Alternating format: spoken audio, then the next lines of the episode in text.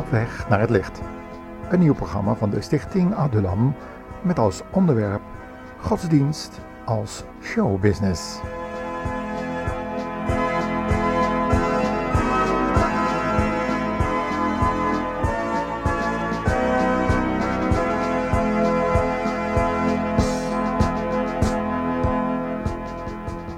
Het is nog niet zo lang geleden gebeurd. We hadden een geweldige bezoeker hier op dit eiland. De bekende schrijver van verschillende evangelische boeken, Nigicus. Hij was ook in de gevangenis om daar zijn getuigenis te geven. En hij heeft doorgegeven wat hij allemaal zelf heeft ervaren. Ondertussen zag ik een video van een bijeenkomst waar ook Nicky Cruz voor was uitgenodigd. En ik kreeg de sterke indruk dat het hier meer om een godsdienstige show ging dan om een getuigenisdienst. Tegelijkertijd met deze video ontving ik een zendingsblaadje van de middernachtsroep. En daar wil ik u heel treffende vergelijkingen voorlezen, die mij bevestigen dat soms godsdienst wordt gebruikt als een christelijke showbusiness, waarbij het geld moet klinken. De schrijver, de zendelingen Dieter en Helga Steiger, die in het, uh, ergens in Bolivia hun getuigenis hebben en daar werkzaam zijn voor de radio-omroepen, maakte ondanks een bijzondere maandagavond mee, zo schrijven zij. De verantwoordelijke leider van Radio Esperanza, die ook voorgang was van een bepaalde gemeente, heeft iedereen die programma's via zijn zender uitzende uitgenodigd om de aanleiding van het vijfjarig bestaan een grote manifestatie voor te bereiden. Het was chockerend toen de leider in gebed de Heilige Geest aanriep en daarna onder andere over een discutabele dodenopwekking berichtte. Bovendien legde hij heel nadrukkelijk veel waarde op getuigenissen van wonderen. Ook moet een bekende Argentijnse verkondiger uitgenodigd worden, bij wiens dienst de mensen ruggelings achterovervallen. Enigen hadden hun Bijbel meegebracht, maar het woord stond niet in het middelpunt en werd slechts zeer kort geciteerd. In de zin van de nagestreefde samenwerking van alle gemeenten in broederlijke liefde. Eenheid stond centraal. Iedereen die daar niet aan meedeed, daar moest eigenlijk met verdachtmaking op gereageerd worden. In plaats daarvan ging het hoofdzakelijk om de goede berichten. Dat betekent in feite in deze kringen de melding van successen. Van Radio De Hoop tegenover de slechte berichten, die seculiere radiostations zouden uitzenden. Waar blijft nu het woord van het kruis, dat zonde aan het licht brengt? Zo vragen Dieter en Helga Stijger zich dan af in hun brief. Wat tot ommekeer oproept en het grootste wonder, de wedergeboorte en daarna de heiliging in de gemeenschap met Jezus volbracht wordt. Terwijl Brazilië door corruptiemeldingen over zijn politici gewoonweg overspoeld wordt en de geldontwaarding de ellende onder de bevolking vergroot, wat ook weer diefstal, roofovervallen en inbraken doet toenemen en de moraal naar beneden haalt, vindt het aanbod van lichamelijk gevoelsmatig welbevinden, genezingen, bevrijding, geestesdoop, profetieën, gouden tanden, beademen, opnames enzovoort bereidwillige oren. De volksmentaliteit komt dan ook met deze trend overeen. Zonder twijfel is de moderne wervingstechniek in staat om massa's mensen met beloften van bovenzintuigelijke gebeurtenissen te plezieren en aan te trekken. En op deze wijze vullen zich hele sportstadions.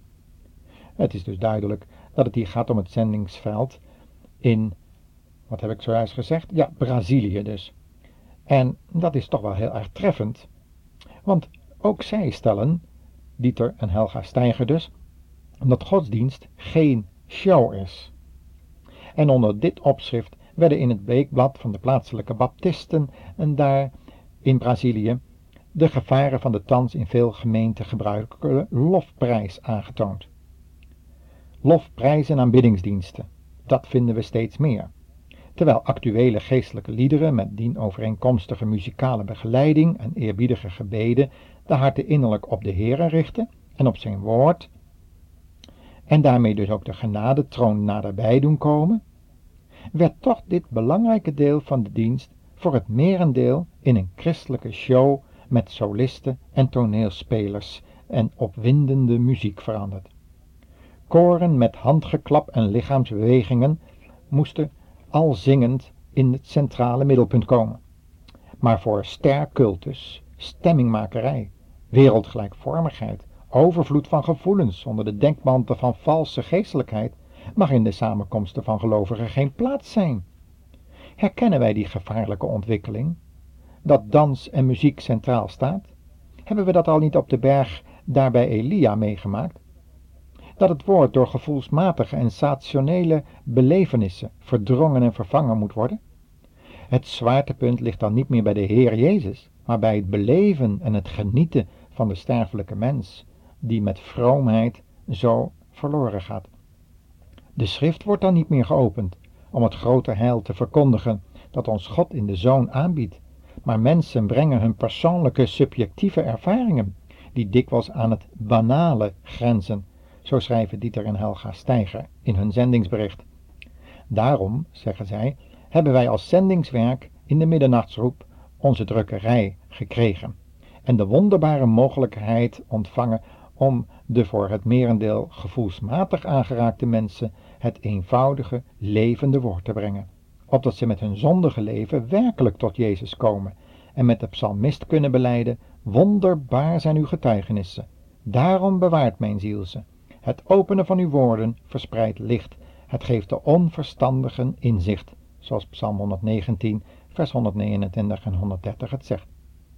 En zo verspreiden ook zij steeds weer via de radio de berichten van de Heer Jezus zelf. Niet de ervaring moet centraal staan, maar het woord van Christus. En hoe noodzakelijk is dat, dat wij getuigen van Hem die onze ziel lief heeft en die voor ons, zondaren, gestorven is aan het kruis van Golgotha om ons te heiligen en te reinigen. Paulus zegt ervan dat hij de gemeente als een reine maagd voor Christus wilde stellen. En hij was daar dag en nacht mee bezig om een ieder mens volmaakt te stellen in Christus Jezus. Oh nee, hij zegt niet dat hij al volmaakt is. Dat is hier op aarde onmogelijk. Dat zullen we nooit bereiken. Maar we moeten er wel naar jagen.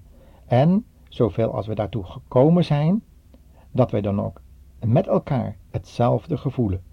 Het is niet zo dat de eenheid centraal moet staan.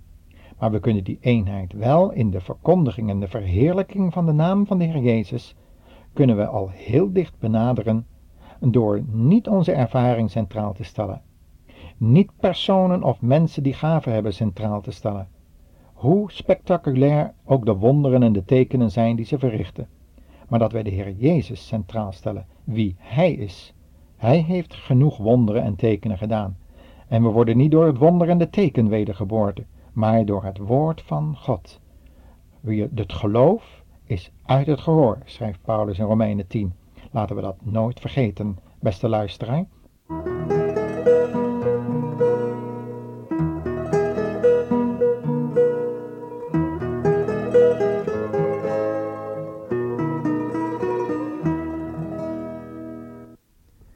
Beste luisteraar, laten we nu voor het verband nog eens de Bijbel openslaan en met name bij de tweede Thessalonicensenbrief. In hoofdstuk 2 beschrijft Paulus dan ook precies wat er allemaal zojuist is gehoord van die zendeling. Hij zegt daar het volgende. Wat de terugkeer van onze Heer Jezus Christus en onze herinnering met Hem betreft, broeders, vragen wij u dringend het hoofd koel te houden. Laat u niet in de war brengen door geruchten dat die grote dag van de Heer er al zou zijn. Als u mensen hoort die erover een visioen of een boodschap van God of zelfs een brief van ons zouden hebben gekregen, geloof hen niet. Laat u door niemand iets wijsmaken. Want die dag komt pas als er twee dingen zijn gebeurd. Eerst zal de grote ontrouw aan God komen. Daarna zal er een mens van zeer grote zonde opstaan, die voortkomt uit goddeloosheid. Hij zal God uitdagen, alles omverwerpen wat de mensen vereren.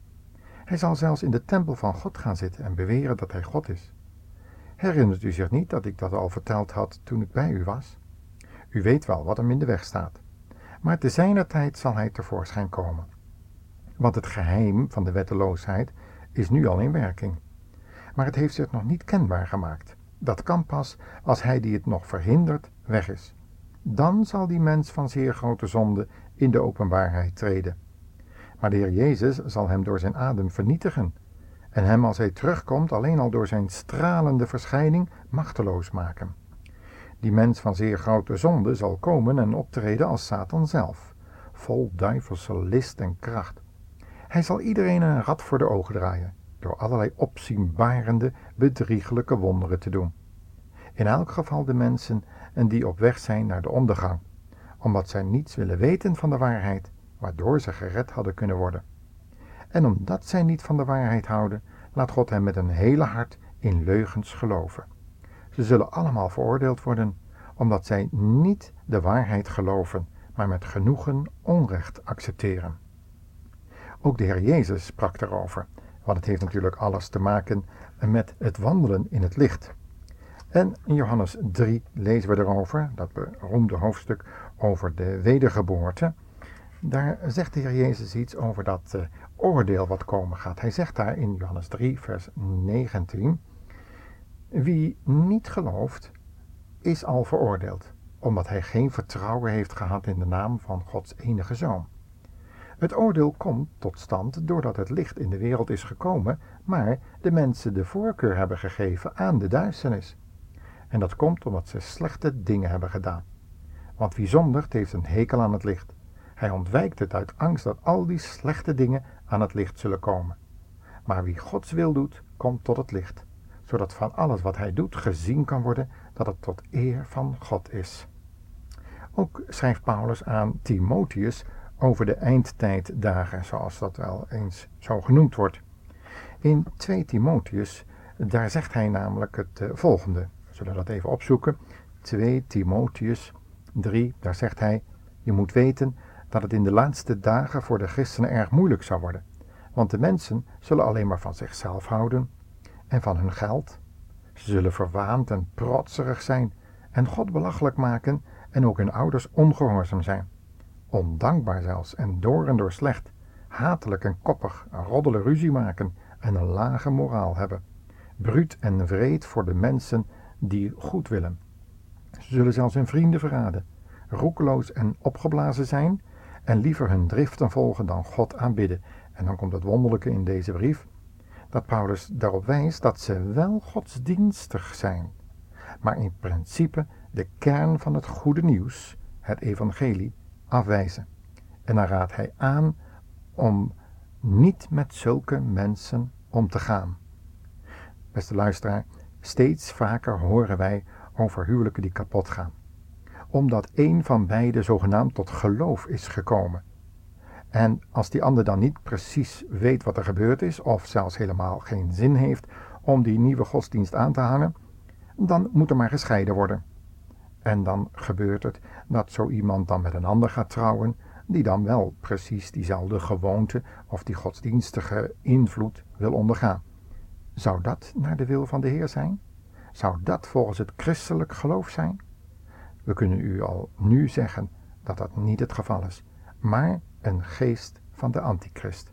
Laten we ons waarschuwen door dit programma.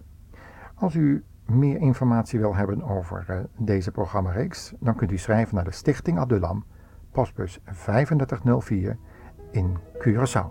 God zegen. Nu